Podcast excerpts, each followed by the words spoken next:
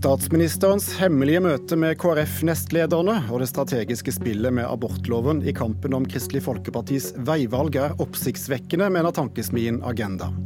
Det sensasjonelle ville vært om nestlederne og statsministeren ikke snakket sammen, mener tankesmed i Skaperkraft. Velkommen til Politisk kvarter. VGs beretning om at eh, nestlederne i Kristelig Folkeparti, Kjell Ingolf Ropstad og Olaug Bollestad, møtte statsminister Erna Solberg og diskuterte mulige forhandlinger om abortloven, har skapt debatt. Møtet fant sted rett før serien med fylkesårsmøter opp mot det avgjørende landsmøtet, der den politiske retningen for partiet skulle stakes ut. Etter møtet med Solberg viste Ropstad til at KrFs ønske om å gjøre endringer i loven, altså abortloven, kun var mulig dersom partiet valgte samarbeid med den blå Solberg-regjeringen, i stedet for en rød-grønn Støre-regjering. Trygve Svensson, daglig leder i eh, den sentrum-venstrebaserte tankesmien Agenda. Hvor oppsiktsvekkende var dette møtet? Jeg vil si det er ganske spesielt eh, i norsk politisk historie. Jeg har i hvert fall ikke hørt om noe sånt tidligere. At eh, partilederen i ett parti tar kontakt med nestlederen i et annet parti og foreslår Eller akkurat hvordan det der har foregått, er vi jo litt usikre på, men det som i hvert fall er blitt sikkert, er at det er blitt en slags enighet, hvis vi skal tro på det som står i VG, om at vel, nå tar man en spesiell sak, nemlig abortloven, og legger den på bordet pga. den dynamikken som det kommer til å skape. Jeg, må, jeg lurer jo på f.eks. hvordan Erna Solberg ville reagert hvis Siv Jensen hadde tatt kontakt med Jan Tore Sanner for eksempel, i sitt eget parti om en sak som hun ikke var enig om. Eller på en eller annen måte eh, og, og, gjort det samme. Så det vil jeg si er spesielt. Og så er det kanskje litt ekstra pikant, eller spesielt siden dette var en sak som Erna Solberg faktisk hadde tapt i sitt eget parti. Det var jo en kjempestor debatt på Høyres landsmøte om akkurat denne saken. Så derfor det blir liksom en ekstra sånn dreining som gjør at eh, jeg syns det er rimelig spesielt. Men Kunne disse to, altså Solberg og Ropstad, for så vidt tre da, med Olaug Bollestad, hun var også til stede på dette møtet, kunne de ha snakket sammen på en skal vi da kalle det ordentlig måte? På en annen måte, eller burde de ikke ha snakket sammen i det hele tatt? Jo, vet du hva, At de snakket sammen tenker jeg er det mest naturlige i verden. Det gjør jo norske politikere hele tiden, også på tvers, og også når de ikke på en måte ønsker å oppnå det samme. Så det vil jeg si er veldig naturlig, og ikke noe rart. Og det var jo så vidt jeg har forstått eh, avklart også. Det som er det spesielle med saken, er jo at man tar abortloven som det er et veldig bredt flertall for i Norge, og som Høyre faktisk har et avklart forhold til og legger det inn på bordet. Og hva skjer etterpå? Jo, Kjell Ingolf Ropstad reiser da altså rundt på fylkesårsmøte etter fylkesårsmøte og sier, og nå siterer jeg han altså, han sier i dag kan du være med og gi en stemme til å gjøre en endring i abortloven. Du kommer til å tenke tilbake på denne dagen. Og det er en veldig konkret strategi, hvis vi skal tro på VG, som ble lagt sammen, ikke i tråd med Høyre sitt vedtak, og ikke i tråd med noe flertall i folket, men akkurat for å vinne den ene saken. La oss, la oss høre hva Kjell Ingolf Ropstad selv eh, sier om hvorfor han handlet som han gjorde. For egen del som nestleder så tenkte jeg jo mye igjennom at kanskje min oppgave er å bare støtte lederen, snu i synet og støtte han. Samtidig så konkluderte jeg med at nestleders jobb er jo å stå opp for det en mener er rett, og som jeg visste at mange i partiet var enig med meg i. Og jeg konkluderte etter mye tankeprosess med det siste, og det var ikke en enkel beslutning, men, men jeg tror det var viktig for partiet at det var tydelig syn på begge sider.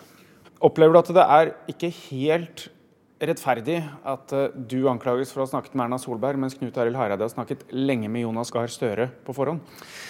Jeg tror dere oppfatning om at jeg og Høyre har hatt et veldig koordinert samspill, eller nesten at jeg har gjort ting på vegne av Høyre, det er iallfall et bilde som ikke jeg kjenner meg igjen i. Ja, Det sa altså nestleder i KrF Kjell Ingolf Ropstad til reporter Trond Lydersen. Øyvind Håbrekke, faglig leder i den kristne tankesmien Skaperkraft. Hvor oppsiktsvekkende syns du dette omtalte møtet var? Jeg tenker Først og fremst å fortelle jo den diskusjonen som går nå, og hele VG sin sak i går om et parti i krise. Og si det først som trenger lederskap, sterkt lederskap både på nasjonalt og lokalt plan for å komme videre.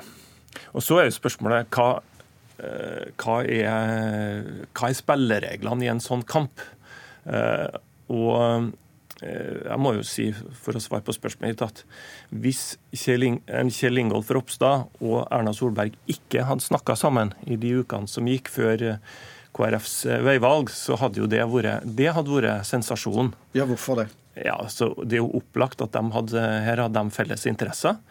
Og Kjell Ingolf ble da en form for hærfører på den sida som ønska å sondere først med Solberg-regjeringa, og, og, statsministeren satt da med makta og visst at eh, her foregår det en maktkamp som kommer til å avgjøre hvem som styrer dette landet de neste årene. Og at hun da opplagt bruker, trykker på de knappene hun kan trykke på, og bruker de grepene hun gjør. Er, vi har sett en maktkamp som har vært foregått uh, i en veldig spesiell form. Det er norsk politisk historie som er skrevet, og det, det har vært en maktkamp. Og at man bruker de knappene man kan eh, trykke på.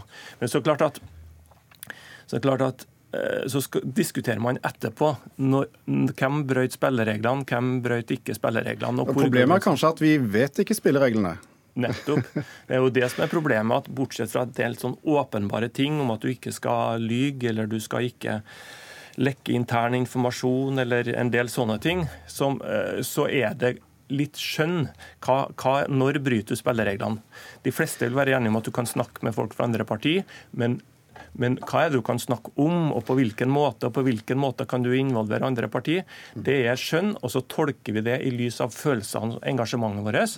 Og det er litt sånn at eh, fotballtreneren som står 50 meter unna, roper at det var straffespark i 16-meteren. Vi må forstå at det oppstår engasjement, sinne og frustrasjon.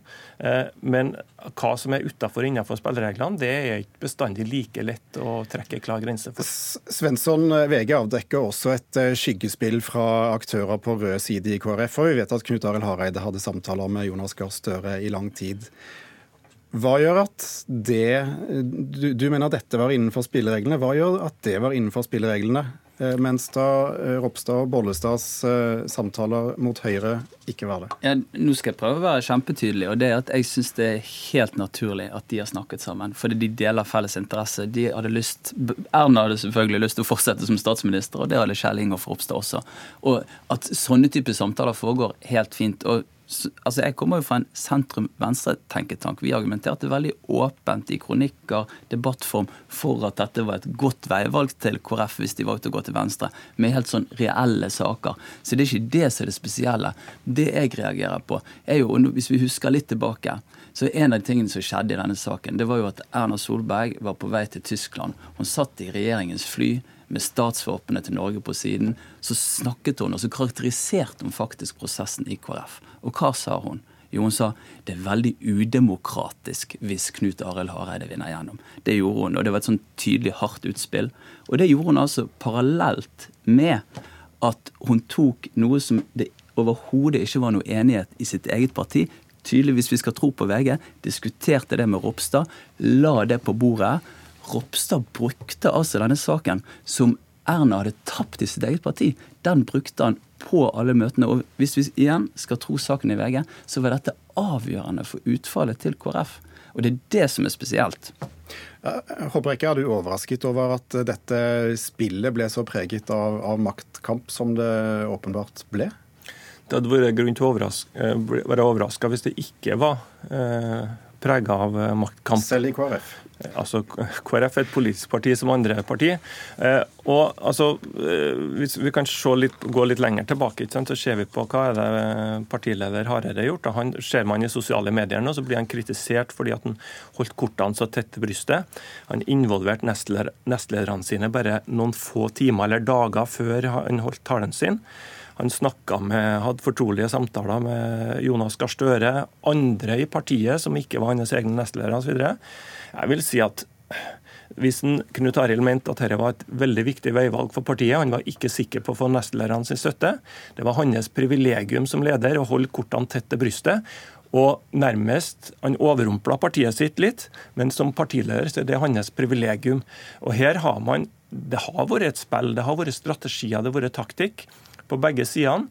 Eh, og, og, altså, det, det, er politikk, det er maktkamp, og det er store, viktige spørsmål som står på dagsordenen. Det, det, må man bare forstå at det skjer. Og så har man på begge sidene trådd litt over streken på enkelte ting. Det, det tror, jeg, det, tror jeg man må erkjenne. Men, og, vi, men det, det var en kamp om makt. Vi, ja, vi, vi, må spørre kort. Um, um, det kommer krav i Dagbladet i dag om, om at uh, nestlederne trekker seg. Er det et uh, krav de bør ta hensyn til?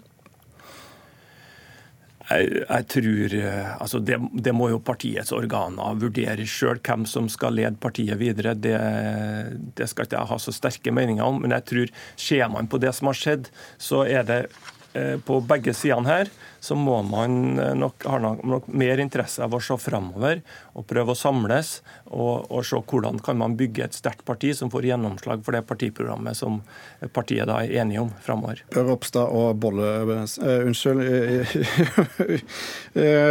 Ropstad og Bollestad trekker seg? Nei, vet du hva, det skal ikke jeg noe med om. Det må KrF sjøl få finne ut av. Men det som er viktig, og som jeg ville lurt på hvis jeg var KrF-er, det er hvor reelt var nå egentlig dette, da? i og med at Ropstad reiste rundt og sa nå har du sjansen, vi kommer til å forandre denne loven. Og så ser vi nå i etterkant det ser veldig lite sannsynlig ut at loven blir forandret i det hele tatt. Og da har man jo rett og slett tatt et valg på veldig, veldig tynt grunnlag. Det spørsmålet skal vi ta med oss videre til Kjetil B. Alstaheim, eh, politisk redaktør i Dagens Næringsliv. Hvor eh, reell, eh, reelt var dette med abortloven i denne prosessen? Eh, det var jo en sak som fikk stor betydning. Eh, det var jo bare å følge eh, streamingen fra ymse fylkesårsmøter, så hørte man hvordan, hvordan, den saken ble brukt. Så det, det, er klart den ble en konkret sak som blå side kunne bruke og vise til. Her kan vi oppnå noe. Om det var det som avgjorde til syvende og sist, det, det tror jeg er litt, kanskje litt mer dristig å, å slå fast. Hvis det, det, da ikke blir noe eh, endring i abortloven, har de skapt seg en vanvittig fallhøyde da? Det har de. Eh, men det, det Ropstad og Bollestad fikk til, var jo noe som egentlig skulle vært umulig. Nemlig å få, få statsministeren til å, å, si at ja, jeg vil sette meg ned og, og forhandle om abortloven, når vi vet at det er et uh, solid flertall i, på Stortinget og også i hennes eget parti for å ikke gjøre det. Så det var jo eh, Du kan si det Ropstad og Bollestad gjorde, var jo å, å legge på bordet eh, hva KrF eh, på det landsstyremøtet der Hareide holdt sin tale, hadde vedtatt at var viktig for dem, bl.a. kampen mot det de i KrF kaller sorteringssamfunnet. Og så fikk de en innrømmelse fra Solberg via dette spillet som nå er skildret, om at dette er hun villig til å snakke om. Hva det resulterer i til slutt, vet vi jo ikke. Eh, men eh, det er, jo, de, det er utvilsomt at hvis de ikke får noen endringer i abortloven, så må de ha veldig mye mer for å, for å på en måte plastre det såret. Tror du KrF ble, som parti ble overrasket over at det ble et så anstrengt maktspill som, som denne prosessen ble? Eh, sånn som uh, ulike kilder uttaler seg nå, så virker det i hvert fall som om Hareides eh, side ble overrasket over at uh, det var flere enn en Hareide og hans uh, som, medarbeidere som kunne drive et rått maktspill. For det er klart, Her har det vært maktspill på begge sider.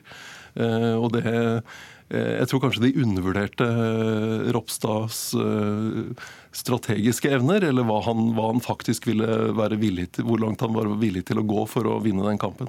Så hvem som har drevet eh, rått maktspill, eller eh, til og med uærlig spill her, det, det er det vanskelig å sette to streker under?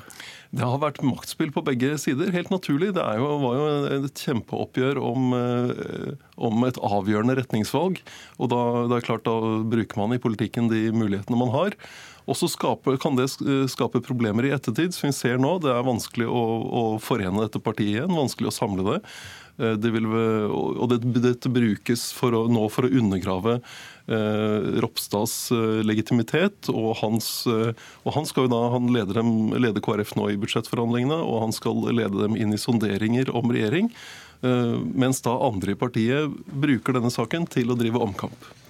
Og budsjettforhandlinger, som du nevnte, det rundes av antagelig i løpet av dagen i dag. Så tar regjeringsforhandlinger til etter hvert. Eh, tusen takk skal dere ha, Kjetil Alstheim fra Dagens Næringsliv, Trygve Svensson fra Agenda og Øyvind Håbrekke fra Skaperkraft.